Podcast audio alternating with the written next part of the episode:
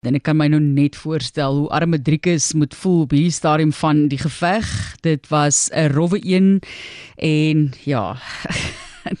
Kyk, dit is deel van die sport natuurlik en Raymond Phillips wat ons meer daarvan gaan vertel, die media gons na Driekus Du Plessis die middelgewig wêreldkampioen by UFC geword het en dis natuurlik geskiedenis wat gemaak is as eerste Suid-Afrikaner wat wen en dit in daai 5 rondes wat hulle mekaar getakel het en ons vind ook 'n bietjie uit hoe dit werk in die geskiedenis daarvan maar Raymond Phillips is die internasionaal gemengde gevegskunsfederasie uitvoerende direkteur verantwoordelik vir Afrika.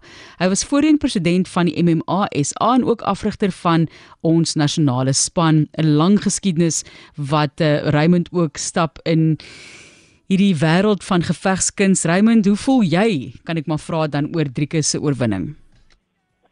Hi, um, Martelies. Baie dankie dat jy ons uh genader het. Dit is 'n eer. Ehm um, natuurlik soos enige uh afrigter, coach, hoe kan ek sê as jy is 'n gevegter die uh level bereik is dit natuurlik weet jy daar is woorde en uh so, so ons is ontsettend trots op hom die mense wat om my was toe hy gewen het mag ek sê jy tog die plek ontplof maar dit was geweldig geweest ons is beskikbaar trots op hom Pragtig. En ek weet die Raymond het voel vir my amper asof die wêreld iets teen Suid-Afrika het op 'n of ander manier want eete ek gaan kyk daar is om spulsuur ouens oor die feit dat Sean Strickland nou eintlik moes gewen het en hy is beroof van 'n oorwinning. Wat is jou opinie daarvan? Jy weet Martelies, ek het soveel jare in die sporte goed betrokke, daar's altyd almal se opinies. En uh, jy weet as ou kyk na weet die negatiewe kante, die positiewe kante, jy weet hierdie een het gelukkig vir ons goed uitgedraai. Ehm um, weet mens mense het maar altyd hulle opinies.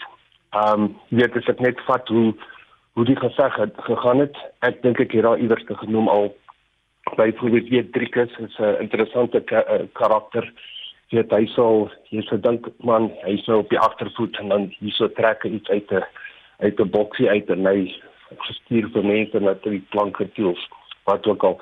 Maar uh, die geveg hoe ek hom gesien het ook en dit was baie gelyk ek stem saam. Ehm um, Driekus was vir my net meer aanvallend.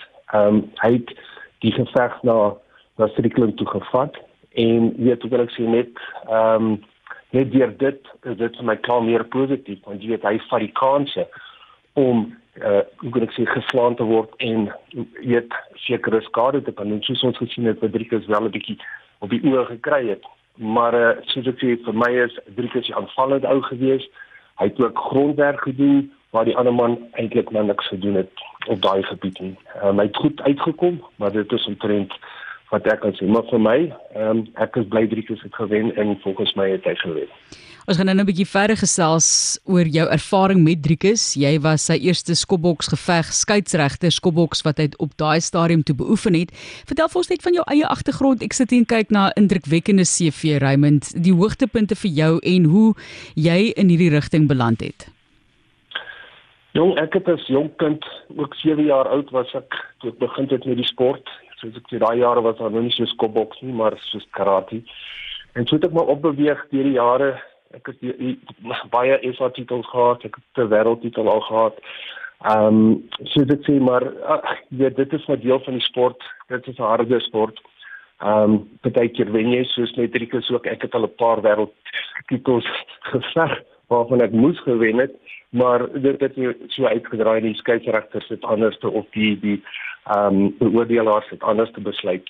Maar soos ek sê dit is dit is 'n sport wat jy jy moet 'n passie hê vir dit. En ek glo ek het 'n passie soos ek sê van ja. vier ek is nou 53 jaar in die sport. Ek is nog steeds aktief besig om af te rig weet saam met my eie ehm uh, mense van my XKT groep te, te skerm met te werk seer te kry, maar dis maar wat ons doen. So ja. Die agtergrond van MMA, jy het nou gepraat oor die feit dat daai tyd was aan die dinge soos karate en so in Suid-Afrika gewees. Dalk nie die ontwikkeling daarvan en ek weet jy ons praat in sport baie daarvan, maar miskien wil jy raak aan oor hoe dit werk. Jy weet die eerste oue 10 punte bereik en die feit dat hulle nou 5 rondes uh, deurgedraf het en so aan dat mense 'n idee het van hoe die wenner gekies word, maar die agtergrond daarvan baie interessant.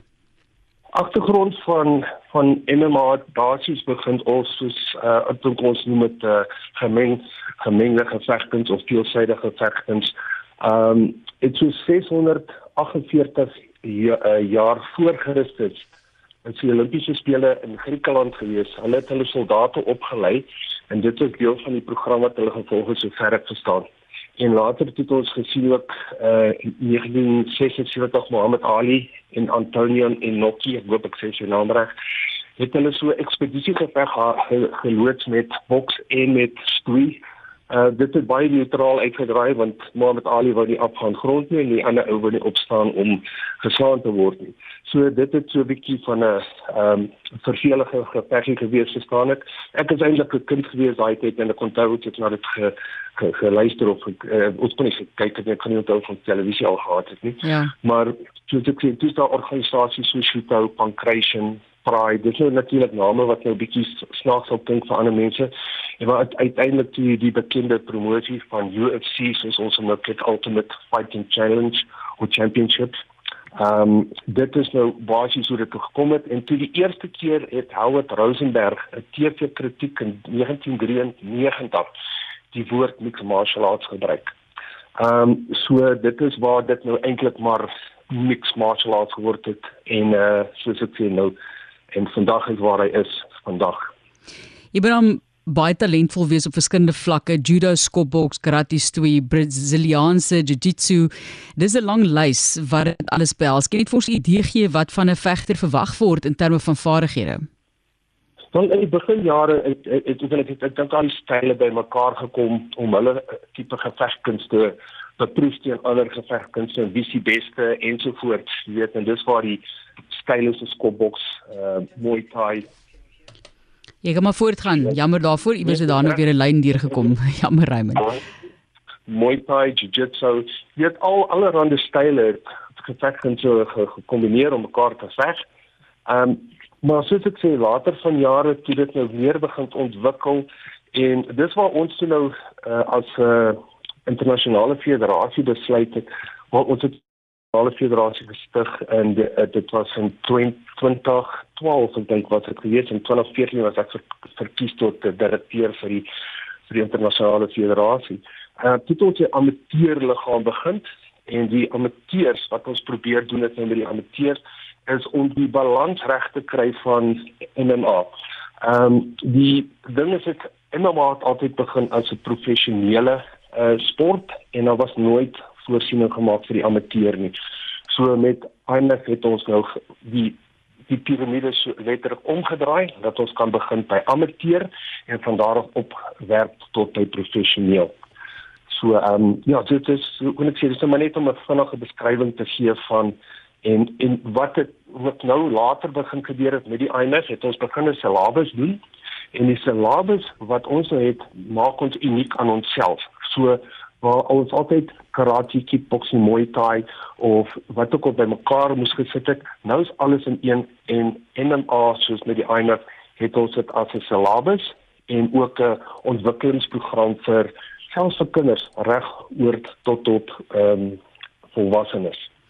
Ons gesels met so, Raymond. Jy wou byvoeg Raymond? Ja.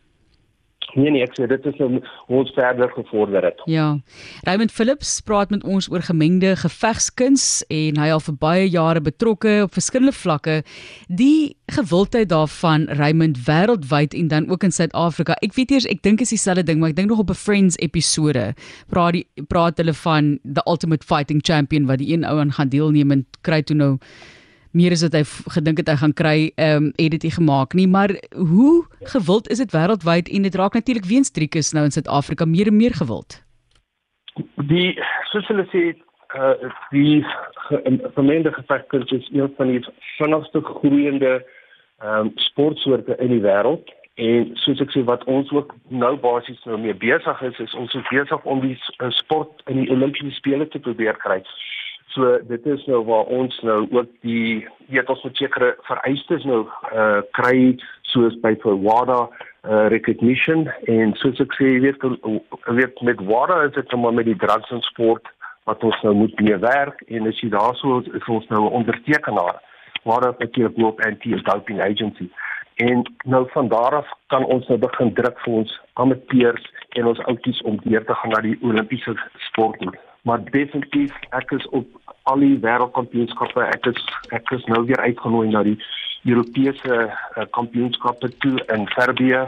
Ehm um, en ek dink dit is einde Maart, April, begin April gaan ons weer daar wees en soos ek sê, die sport groei geweldig. As jy sien van waar ons was en waar ons nou gekom net met amateurs as ons vat die UFC gebruik redelik baie van ons uh atlete wat nou van die amateurkant af deurgaan na die ehm um, professionele kant toe en groot ehm uh, promosies wat ons atlete nou gebruik op hulle gevegte. Ja.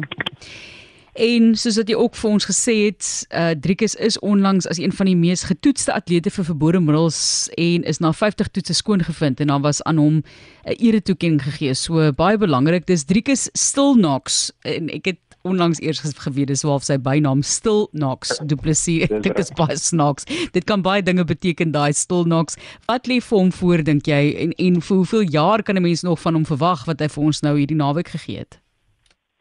Want Drieke soos ek sê, jy weet ek ken hom van kind af. Uh soos ek die ehm um, hy's 'n baie onortodokse, ek noem hom onortodoks want hy het my nog altyd soos hulle sê, moet nou die Engelse woord sê gesurprise. Jy weet ek het al gevegte van hom ge, gebeoordeel en dan gaan ek dink ek oor hierdie hy gaan dit nie maak nie en dan boem daar lê die ander. Jy weet, ehm um, maar weet wat hy vir ons gewys het, die hart wat hy het as as 'n mens en die feit dat hy 50 keer getoets is. Nou hulle jy kan net sien hoeveel keer hulle hom getoets het omdat hy so goed gebou is.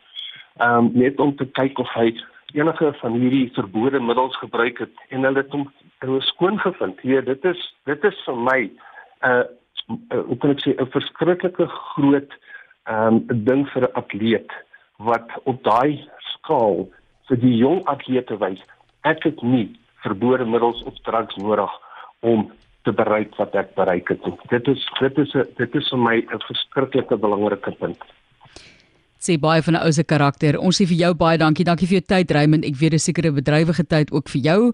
En uh, baie dankie dat jy vir ons insig gee. Ons gesels weer in die toekoms en ek is seker daar gaan nog baie talent uit Suid-Afrika kom vir hierdie gevegskuns. En uh, as jy met Driekus praat, sê maar vir hom hier by RSG, dink ons aan die aan hom, jy weet, en ek weet Pieter het ook met hom gesels, maar ons is baie trots. Dankie.